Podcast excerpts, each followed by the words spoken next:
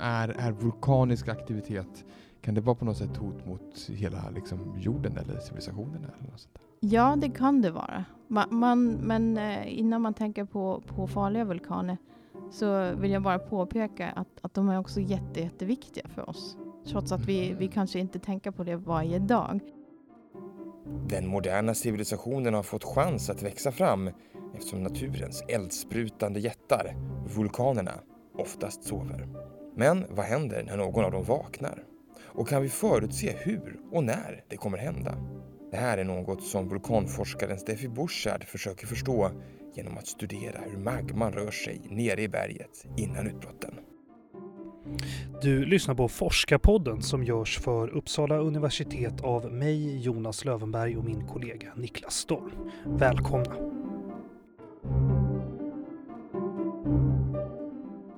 Jag heter Steffi Borched. Jag är universitetslektor i strukturgeologi på institutionen för geovetenskaper här på Uppsala universitet och jag forskar om vulkaner. Va, vad är det du tittar på, på vulkaner? Min forskning handlar om hur magma transporteras och lagras i vulkaner. Så jag tittar mest på vulkanens inre. Vad gör din forskning för nytta? Min forskning gör väldigt mycket nytta. Det, man kan ju tro att vulkaner, vad spelar de för roll här för Sverige? Jag tror vi fick en liten påminnelse 2010 när eh, det blev ett utbrott på Island. Eyjafjallajökull-utbrottet som alla kanske kommer ihåg namnet på. Men de flesta minns askmolnet Ja, kanske. precis. Ja. Askmo- det var någonting med aska där. Ja, just det. 2010 och man fick inte flyga och så. Så då fick vi en liten, liten tankeställare kanske. Eh, min min eh, approach är mer att, att jag forskar på döda vulkaner. Så där, där man kan faktiskt eh, gå nära utan att bränna sig. ja, för, för hur, varmt, hur varmt blir det, undrar man ju. Eh, magma i vulkanens inre, det kan vara mellan ungefär, det, det kallaste magma vi vet är 600 grader varmt. Men, men det vanligaste är 1200 grader varmt. Oj, oj, oj. Ja. Ja, det är svettigt. Du, eh, och vi, vi ska återkomma till vulkanerna och, och vad du gör för forskning här. Men vi, vi, Mm. vi tänker vi börjar i, i din bakgrund. Ja. Va, var, eh, berätta, var kommer du ifrån? Jag kommer från Tyskland. Eh, där har jag doktorerat i Göttingen 2009. Och eh, sen efter det så kom jag hit till Uppsala som postdoc. Men innan du doktorerade då, var, var är du uppvuxen någonstans? Jag är uppvuxen i en, en liten stad som heter Nordhausen som ligger i eh, gamla Östtyskland. Så jag är faktiskt född i Östtyskland. Eh, jag var sju år när muren föll. Och, och dina f- föräldrar, kom, har, du ett, är det, en- har du en akademisk bakgrund? Nej, de, de, eh, min mamma jobbade på ett labb som kemist och min pappa jobbade som målare när jag var barn. När jag var barn. Hur var det, fanns det, för din del då, fanns det här intresset för vulkaner som barn eller? Något Jag- jag Har samlat på, jag har samlat sten så länge jag kan minnas och jag var alltid fascinerad av att vara ute i naturen. Men, men jag hade ingen, ingen akademiker i min familj. Jag hade inte ens en aning om att forskning finns eller vad ett universitet är. Eller, det, det fanns inte på kartan. Jag, jag vet att jag alltid tittar på dokumentär på tv. Men eh, det var först på gymnasiet där jag kom på att aha, geovetenskap, det, det kan man faktiskt plugga. Aha. Vad är det du försöker upptäcka, eller vad är det du försöker förstå med vulkanerna? Jag vill eh, försöka förstå vad som pågår inuti en vulkan. Alltså när, den- när den har ett utbrott, eller hela tiden? innan. Innan? Så, Ja, så den, är ju, den är ju aktiv hela tiden, inte bara när eh, den har ett utbrott. Så det är viktigare att förstå vad som pågår innan utbrottet. För, att, eh, för, för ofta så blir vulkaner nervösa eh, flera år eller ibland årtionde innan de har utbrott. Och då vill man ju förstå, kommer det här leda till någonting? Kommer det bli ett utbrott? Ska vi evakuera folk? Mm. Eller är det här ett helt vanligt beteende? Så, så det är lite som beteendevetenskap fast för vulkaner. Eh, och då vill jag veta, så det är magman som, som gör eh, att det eventuellt blir utbrottet. Så det, det, det, hela, det är blodet på vulkanen. Så jag vill förstå hur magman rör sig genom eh, vulkanen och eh, hur det lagras, vilken typ av magmakammare det finns där inne, om det finns mycket eller lite magma eh, och på vilka vägar det rör sig. En nervös vulkan, Ja, ja, hur beter den sig? den, den eh, skakar i princip. Okej, ja, och, eh, så så det, det är det som mina kollegor seismologerna mäter, det, det är jordskalv. Ah, okej. Små eh, och stora. Eh, så, så de kan man tolka ganska bra. Liksom. Och eh, å andra sidan så, så kan en vulkan svälla upp innan ett utbrott. Så den kan, det blir typ höjning av, eh, av eh, vulkanens yta. Mm. Det kan bli flera meter in, innan ett utbrott. Så det kan man mäta till exempel med GPS och med satelliter och så. Eller så blir det mer vulkaniska gaser som kommer ut. Så det, så det, det blir lite symptom innan det blir ett utbrott. Varför är det intressant hur magman transporteras då, lagras? Varför är just den detaljen viktig? Eh, det är viktigt för, för hur magman transporteras och lagras. Det är avgörande för, för vilken, eh, hur aktiv en vulkan är och vilka typer av utbrott det, det kan bli i den vulkanen. Okej, så om man förstår transportvägar och sätt att, lag, sätt att lagra, det låter ju avsiktligt, men hur magman lagras så kan man eh, kanske förutse saker om vulkaner, eller? Jag f- förutser, men kanske i alla fall förutse lite beteende. Hu- Vilka typer av utbrott kan det bli från den här vulkanen? Du tittar på, på, på döda vulkaner, vad, vad, vad gör du då? Jag tänker, Mm. För jag tänker så här, ur en lekmans tänker men det är väl bara massa, massa sten? Ja, det är massa sten. Sten med sprickor i och ja. Ja. Ehm, så vi är ute i fält, vilket är grunden till hela forskningen. Och där observerar vi. Vi, vi ser typ sambandet mellan hur, hur den stelnade magman har trängt in i, i de befintliga lagren, om det har blivit massa sprickor, ehm, om, om det finns olika typer av magmor som har, har kommit in i magmakammaren, magmakammarens form Då är det som magmakammaren som ligger på, på ytan, På en ytan. stelnad. just det. Och du, Ja. hur, hur kan du veta då, då vilka typer av stenar eller mineraler det är? I, ser man det kanske bara? Ja, det ser man till exempel eh, på färgen. Mm. Man, man ser hur många kristaller det finns i. Eh, vi tar också stenprover som vi kan eh, undersöka med mikroskop och Mm. eh, analysera sammansättning på sen hemma. Ja. Men i fält så, så, eh, så måste vi ju kunna identifiera olika bergarter då eh, direkt i fält. Eh, sen, sen karterar vi ut typ formen på magmakammaren. Så, så vi följer helt enkelt gränsen mellan den gamla magmakammaren och det omgivande berget så att vi får formen. Mm. Och du, när du kommer tillbaka sen då? Du har varit på Mm. fält, du ritar av, eller ni märker av hur de här, det här ser ut, de till vilka stenar. Vad är det för typ av liksom, slutsatser ni kan dra från det här materialet? Ja, för det ena så, så kan vi då rekonstruera magmakammarens form. Den, den är ju oftast inte bevarat helt och hållet. Eh, så vi kan från våra mätningar och från våra kartor från fält så kan vi rekonstruera hur, hur den såg ut. Är det verkligen en bubbla eller har den någon annan form? Eh, och sen kan vi, vi, vi mäter ju också sprickor och andra strukturer till exempel. Det finns eh, så, eh, nästan som en underjordisk lavaflöde som man ser hur magman har rört sig i magmakammaren. Och det är ju tredimensionella mönster. Så vi kan rekonstruera dem i datorn. Okay. Och, och hur, på vilket sätt går det här att då applicera på aktiva vulkaner idag? Eller, eller handlar det bara om att förstå hur, hur det har varit? Eh, tanken är att, att det är samma processer som utspelar sig idag som det har varit när våra gamla döda magmakammare bildades. Så eh, om vi lär oss någonting eh, om de här gamla magmakammare, då kan vi anta att samma sak händer när det blir en ny magmakammare i en aktiv vulkan.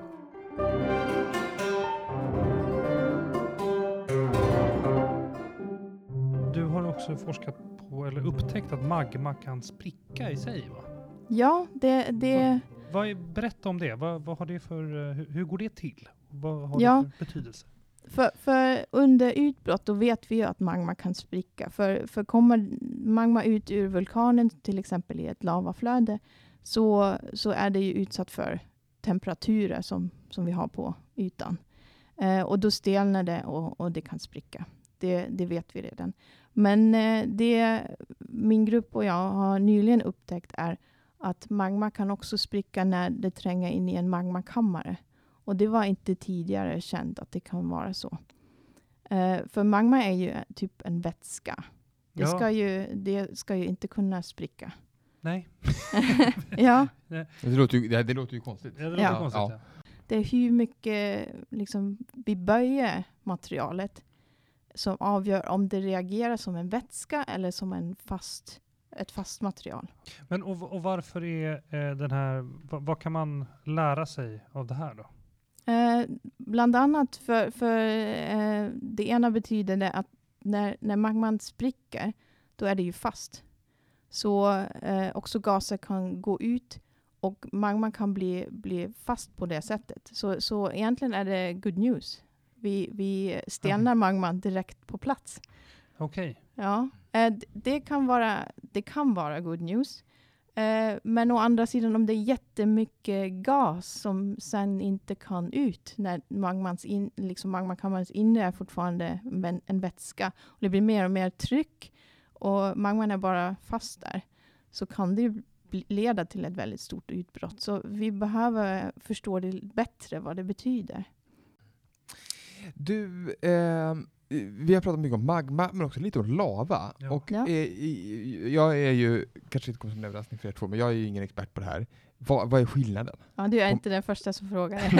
jag kan tänka på det. Nej, eh, så, så magma är som vi har sagt, det är smältsten som innehåller också kristaller och gas. Eh, som, ja, så det finns in, inne i jordskorpan, inne i vulkanen. Och lava är ett utbrottsprodukt. Men det, det är inte, så, så magma och lava är inte direkt samma sak. Ehm, lava är ja, när magma flyter över liksom, vulkanens eh, yta. mm. Men aska är också ett utbrottsprodukt. Så Ja. aska har också varit magma. Så inte... eh, Så lava, lavan kanske då inte innehåller samma mineraler eller sådär Jo, som magma? det- Den kan jo. göra det? Ja, det, det kan vara om, om det är till exempel ett sprickutbrott då, eh, och det blir ett lavaflöde av det så, så innehåller lavan i princip samma eh, saker som, som magman innan. Kanske lite mindre gas för det kommer ut under utbrottet. Mm. okej. Men, men okej, men eh, ka- kan man, skulle man kunna sammanfatta det så här att lava är magma som flyter utanför vulkanen? Ja, det kan man säga. Okej, Mhm. ja. Ja. jag håller. Ja, men vad bra. Det är väl bra ja, förklaring för ja, jättebra.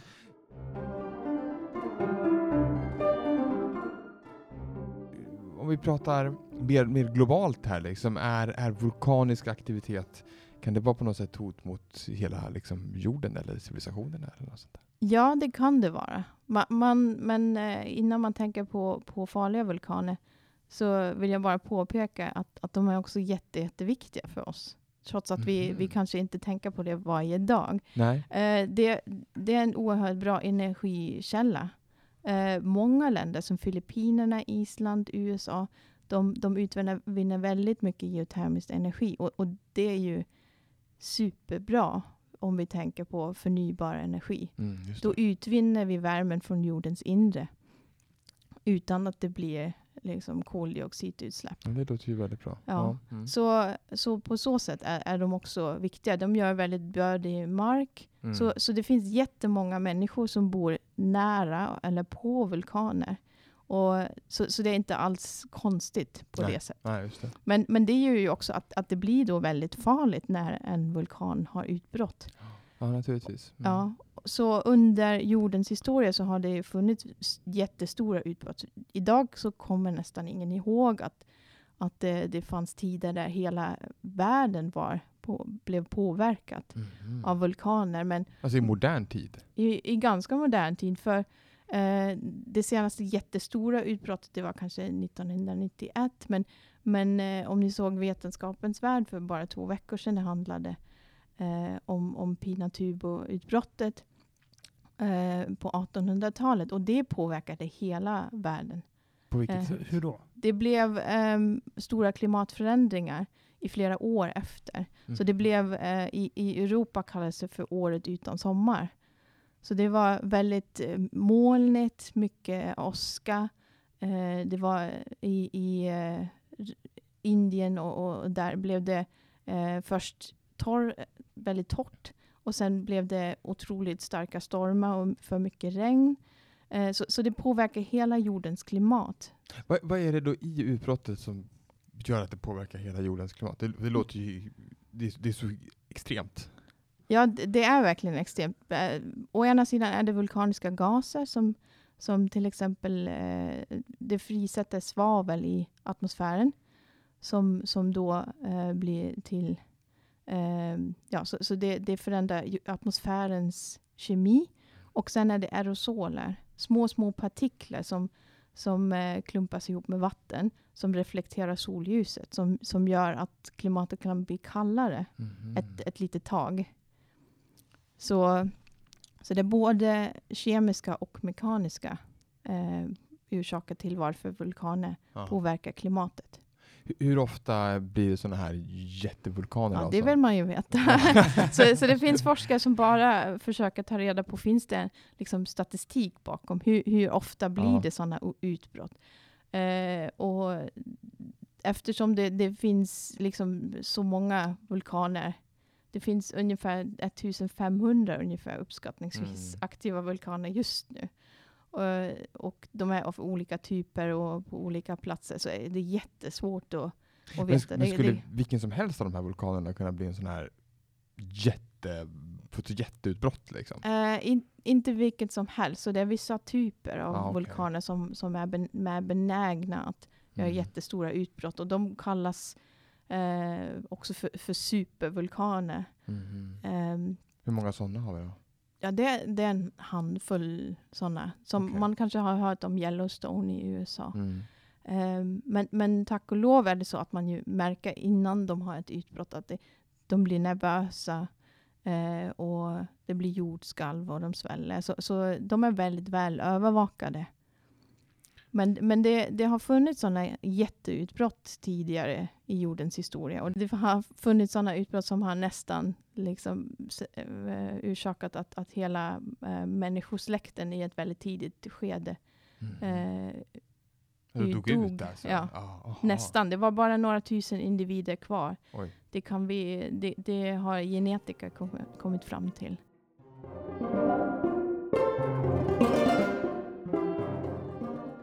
Människans historia är ju ganska kort på jorden och vulkanernas måste ju vara längre. Ja, Är vi i en tid där vulkanerna egentligen är lugnare eller är det bara att vi inte har haft några sådana här eh, enorma Väntar vi på utbrott? något? Ja, väntar vi på att det ska komma ett enormt utbrott eller? eh, vi, vi, är inte en, vi lever inte i en speciell tid.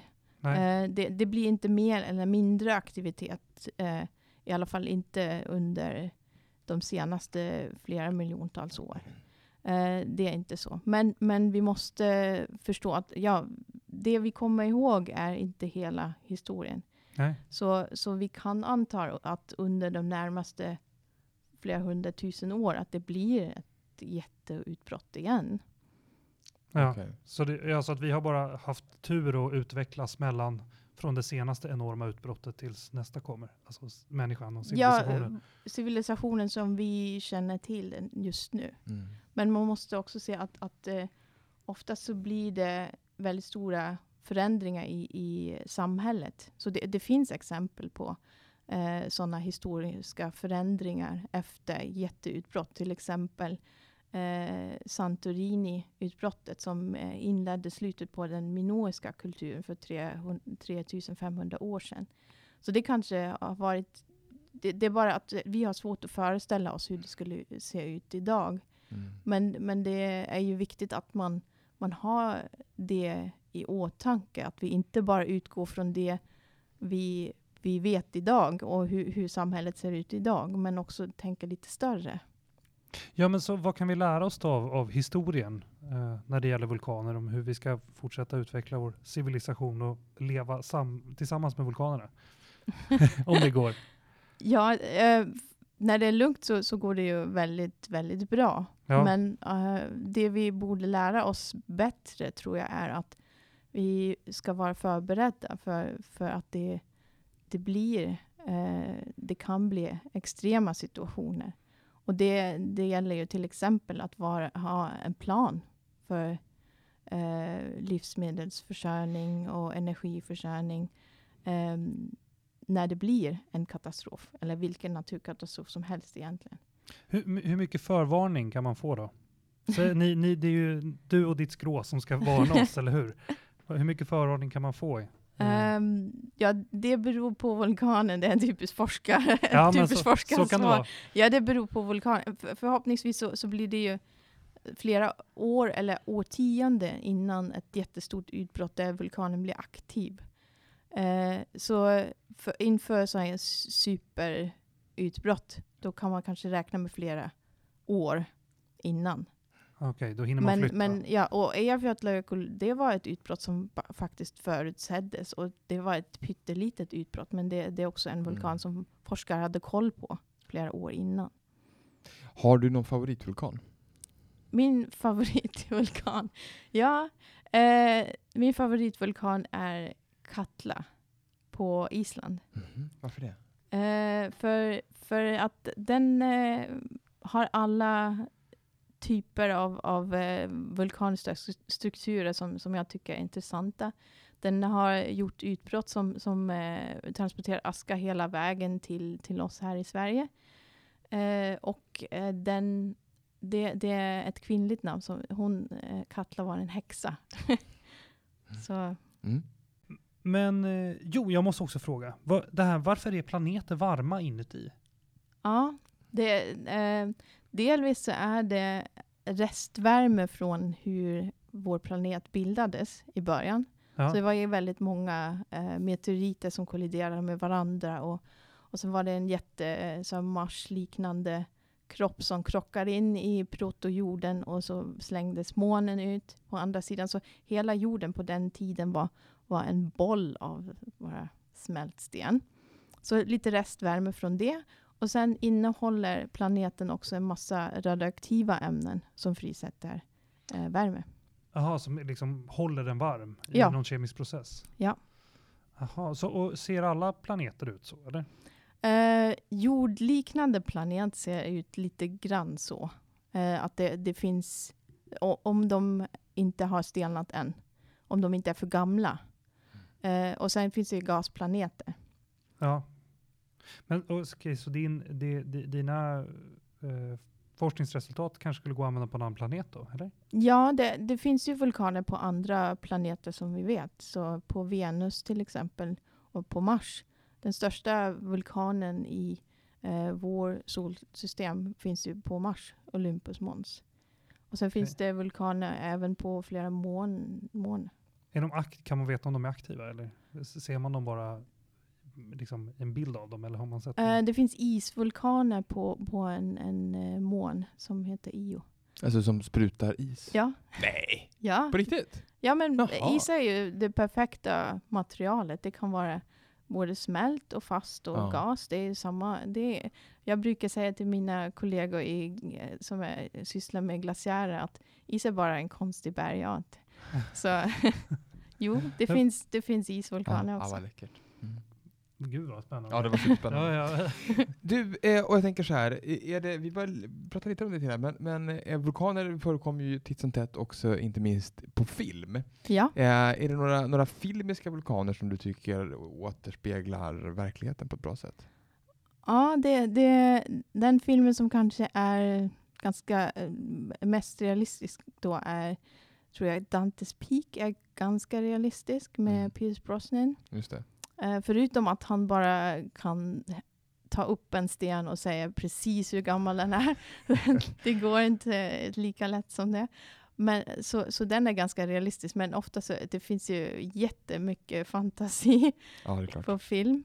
Men, men eh, jag förstår ju också att vulkaner är väldigt inspirerande och spännande. Så därför eh, ja, finns det många på mm. film.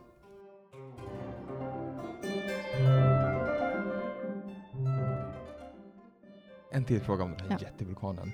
Eh, är det liksom med tanke på vilka enorma effekter den kan ha på, på jorden, ett sånt här enormt utbrott, Mm. borde vi vara oroliga?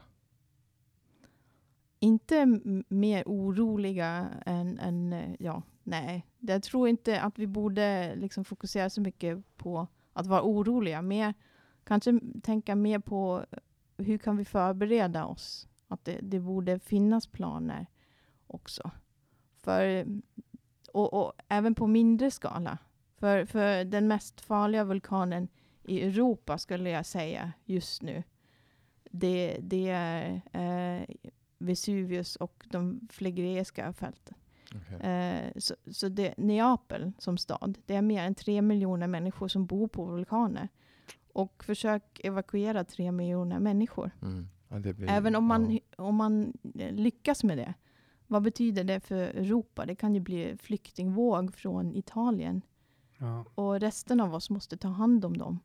Eh, är vi förberedda för det? Jag Det- tror inte det, det. tror inte jag heller. Men du, och vi måste ju också fråga om vulkanrisk i Sverige då. Hur, hur, hur är det här? Är det, har vi, Vi- några aktiva vulkaner i Sverige? Vi har inga aktiva vulkaner i Sverige, så våra, våra äldst, yngsta vulkaner, de har eh, slocknat för, för 100 miljoner år sedan. Det Men känns tryggt. ja. det känns ganska tryggt. Vi, vi bor faktiskt i, liksom på den mest, den tryggaste, det tryggaste stället i hela världen, skulle jag påstå nästan. Det finns in, ingen risk för stora jordskalv här. Vi har inga höga berg så att det kan bli jordskred för det mesta. Eh, så vulkaner är ganska långt borta. Jag tror vi, vi kommer ändå, vi påverkas ju väldigt mycket av, av eh, händelser som, som utspelar sig väldigt långt borta om man tänker på tsunamin 2004 till exempel.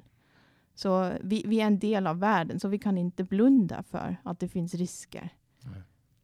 Även om vi sitter på en, ett väldigt tryggt ställe här. Toppenland med andra ord. Ja, till, Ja. himla bra.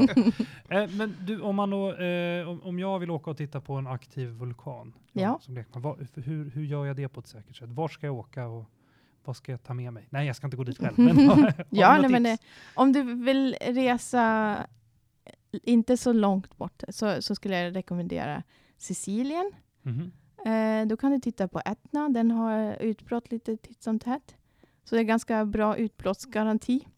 Om du vill, och, och det går att, att komma rätt så nära. Man, man borde ju alltid lyssna på, på de som, som är där och eh, som säger om det är säkert att gå nära. Om det, ehm, eller om du vill resa långt, så, och det är också på min lista, det är Hawaii.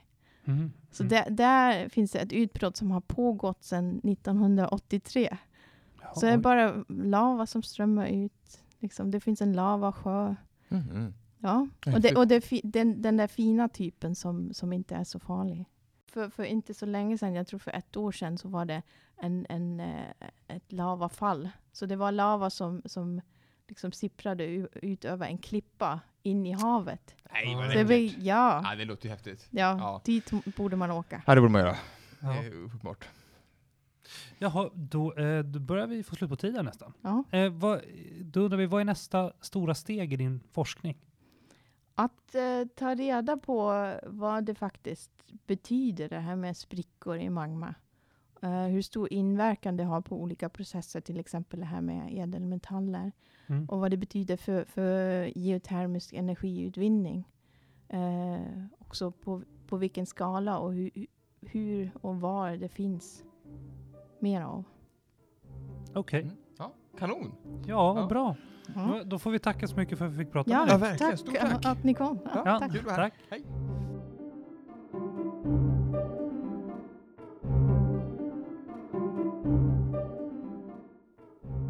Du har hört Forskarpodden med och om Steffi Buchardt. Vill du kommentera det du hört eller komma i kontakt med oss? Använd då hashtaggen Forskarpodden i sociala medier. Du kan också mejla oss på forskarpodden gmail.com. Och det här var vår sista podd för i vår, så vi får passa på att önska en trevlig sommar. Du har hört Forskarpodden, en produktion av Piggelkott Media för Uppsala universitet med musik av Marcus Sjöblom.